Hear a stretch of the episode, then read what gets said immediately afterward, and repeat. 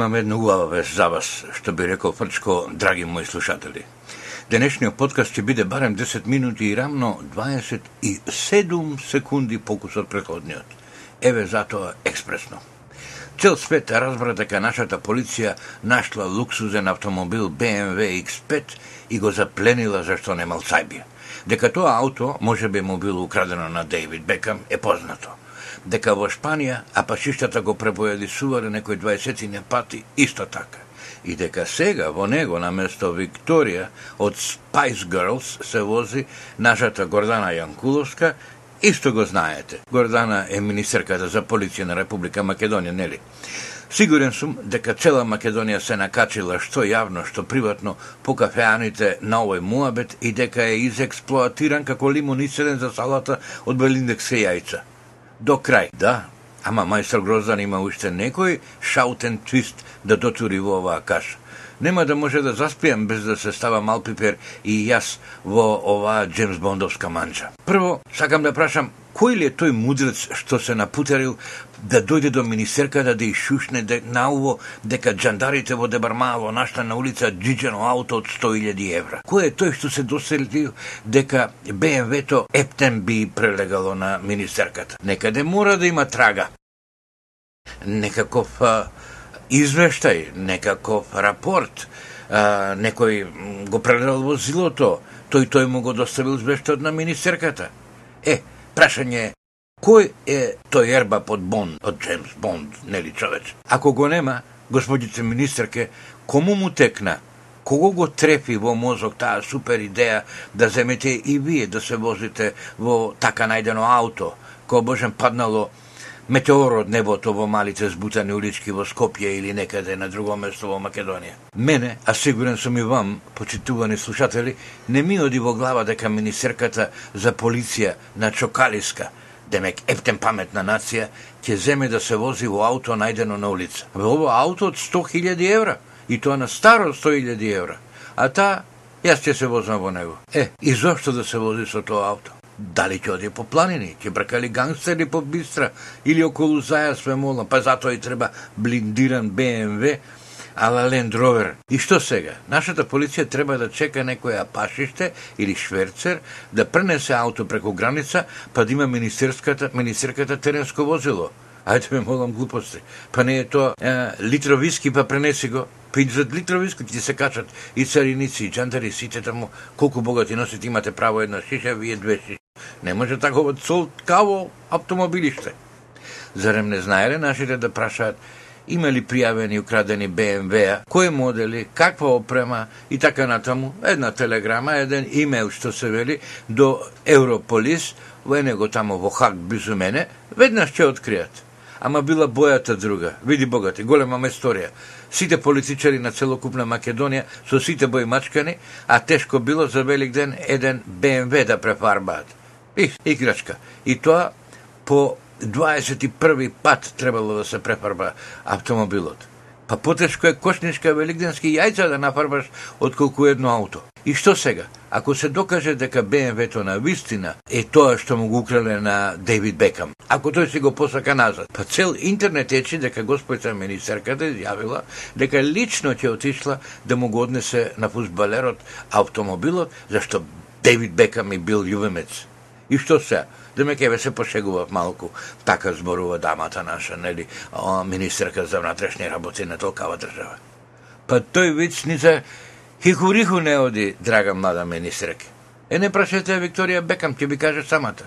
Или барем да помислите малку на Горан Стефановски. Во Англија е човекот. Па ќе го искинат англичаните за фркавање заради ова вашево, а не заради оној негов дебармалски бербер што ги коле муштериите, жена му од прави кебапчиња. Па ние си, сите македонци и дома и надвор сега мора да се криеме во глупчешки дупки. И така се потиме кога зборуваме за да не расипеме работата во Брисел, демек да не сме ѓурултаджи и да не зборуваме на висок глас, некултурно, балкански и така натаму. Удиме сите на прсти заради угледот на земјата што се вели, да не ни се натупори оној Олирен повторно. Мене, мистер Ѓокица, продуцентов на оваа програма, кога сум во Лондон, само попреко ме гледа. Те не зборува толку гласно, не се врти по женски, кажи на кондуктерката good morning, а господица Горданче во блиндираниот БМВ од Девид Бекам ќе се вози од Драчево до Црнич. Хајде, Бекам, ова, ова на на ништо не личи. Кога Груевски го трпи ова, батали работа. Ајде бе молам, туку звизни Скопско и се е можно. Еве, и оној Джордж W. Буш од Белата куќа, да не биде само по Груевски Герултиева имал целосна доверба во фуцаниот лисец Пол Волфовец, сега председател на Светската банка, идол на нашиот Шврчко. Па да ви кажам право, јас чекам во саботата или барем вчера, недела, дури се дополу заспани министрите за финансии на светот, собрани во Вашингтон, инаку на собир на Светската банка, оној белградскиот финансиер да направи еден шоу за мерак, да предложи да се напуди Пол Волфовиц заради злоупотреба на функцијата заради швалерај. Така, ерите од подчача тамо тие, ќе му се одмазде малку на Вашингтон и за Косово и за бомбардирањето. Ама не ја искористија приликата, зафатени со, со оној германскиот амбасадор во Белград. Со право му ја дерат кожата на субо, зашто најбезобразно им се качи на глава, па се лиз и сега го јадат жив. Но, Да се вратам на овој Волховец. Цел свет знае, нема зашто моите верни слушатели да не се саглам информирани, дека тој Волховец, слушајте му го името, е од таборот на супер катилите на највоинствените а, јастреби околу Дик Чейни под председателот на САД. Овој Волфовец му беше помошник на Доналд Рамсфелд и се брои како мотор на војната авантура во Ирак – него Клинтонови не можеа да го смислат. Го пеа на пудиле ни да приде до администрацијата на Америка цели 8 години. Иш, тргаја тука. Како што дојде Буш, така оживе и Волховец. Сега, со сите овие критики за Ирак, а и со Хилари Клинтон како надоаѓачка опција, Буш си го засолна во Светската банка. Волфовец има 64 години. Пред 4-5 години уште моќен во Пентагонот, мајсторот нашал швалерка, некоја шаха али риза, вработена во Светската банка. Женската Аджамија се занела по дечкото од шест банки. Незина работа, двајцата разведени, тој е еврени, таа арабка од Либија на Гадафи, не знаете колку се тие жени еманципирани, и така тој 60, таа 50, грабни бега ситуација, и дила, цел Вашингтон само ги гледа, а тие се држат за рака и се шетаат. Половина Вашингтон и цел Блиски исток ги разбраза час. Никому ништо. Свој луѓе, слободни. Кога овој Волфовиц дојде за председател на Светската банка, се соочи со еден проблем. Таму имаат институт според кој не може чиновничка да се швалерисува со предпоставен. Мора да си оди. Нема криеничи, ги знаели уште пред тоа, држање за рака покрај потомак, прием и циле миле, а шичаре работа, мора да си оди женската. Во такви случаи Светската банка ја праќа пониската по ранг риба од двајцата тие на испомош во некоја фирма или во некоја институција. Така оваа шаха али риза, љубовницата, демек, на Волфовиц ја стокмеле да оди во стейт департментот на САД, кај Кодолес Рајс. Е, ама мајстор Волфовиц, навикна да изгледа да му се тресат и генералите низ Пентагонот, наредил да замине женската од тешката работа во Светската банка со 5-6 пати повисок ранг од колку што е позволено, а истовремено и ја зголемил платата над сите норми на банката. Нешто наредил. Подпишал. А јас имав еден пријател, представник на Генекс беше во Атина. Тој викаше, што ќе помислиш, не кажувај. Што ќе си се испушти да кажеш, немој да напишеш. А што ќе напишеш? Рака да ти падне, не подпишувај. Ама овој Болховиц не го знаел тој Миќа од Генекс и подпишал. Сега му ја сечати раката и главата. Но, не ве замајувам ја случајно со оваа тема. Не можам да сватам колку се забораваат луѓето на некој позиции.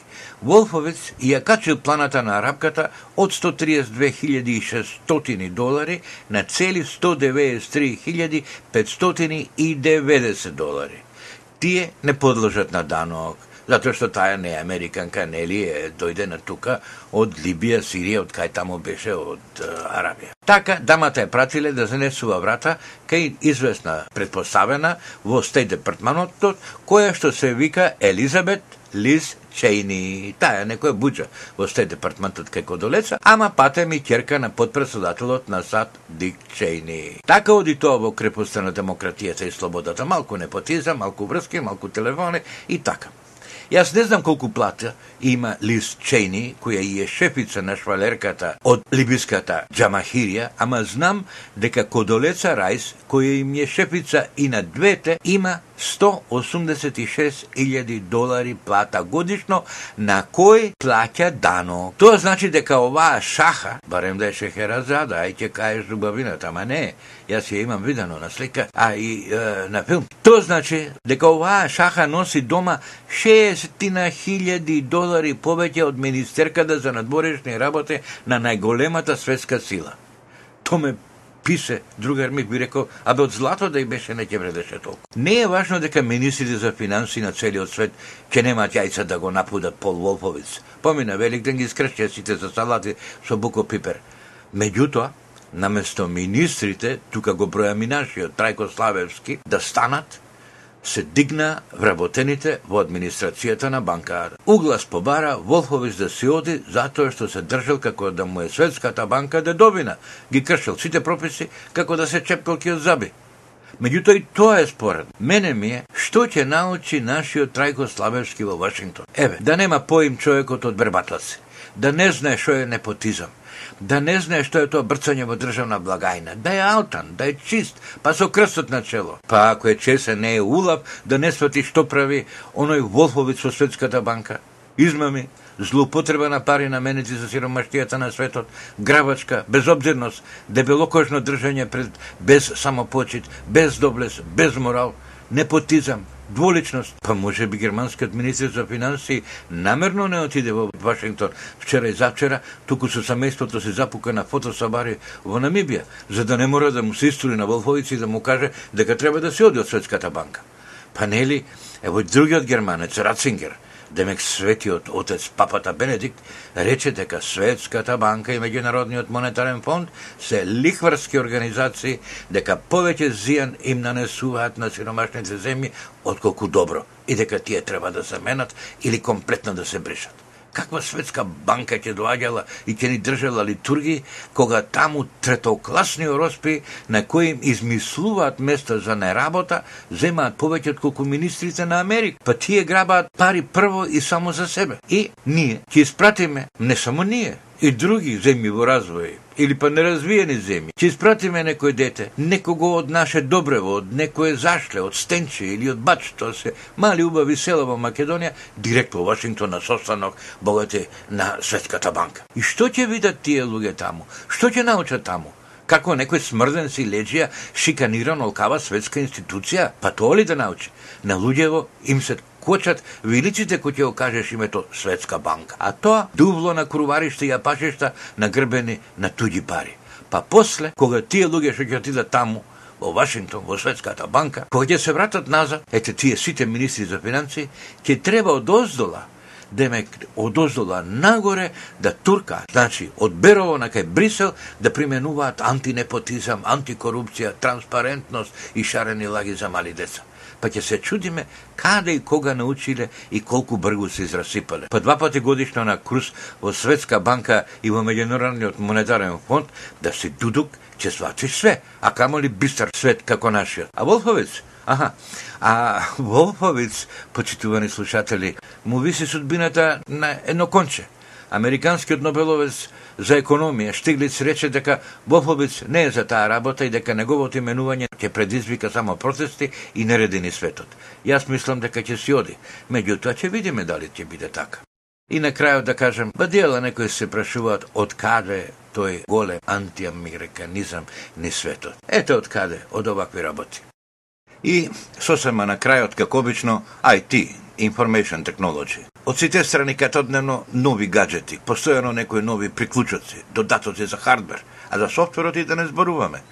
Сакате да си дотурите драм, работна меморија, ефтино силиконско парченце чип, ама не знаете како. Има текстуално објаснување за производот, ама не е тоа на висинското.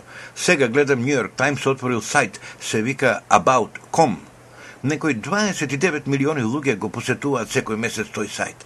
Таму може да побарате видео со инструкции за стотици разни работи, иако според мене пребарувањето не оди онолку лесно како кај howstuffworks.com. На овој сајт може да објавите за без пари видеоклип со рецепт за тоа како баба ви прави пинџур или како вие заменувате чип драм меморија од 512 мегабајти со друга од 1 гигабајт или поголема и слично како дим користите, што оди прво, што оди второ, и така све, сами ќе се снимите или некој другар ќе ве сними и одеднашка тоа се ќе го качите на howstuffworks.com и се афирмирате како стручњак. Барате дури и некој пари за да го видат луѓето видеото, односно да го откријат вашето знаење. Но, тоа да качите бесплатно свое видео на сајтот howstuffworks.com може да биде сосема друга активност како да се испентарите, да речеме, на кораб или на јабланица, како и каде најдобро се фаќа пасрмка или не знам што.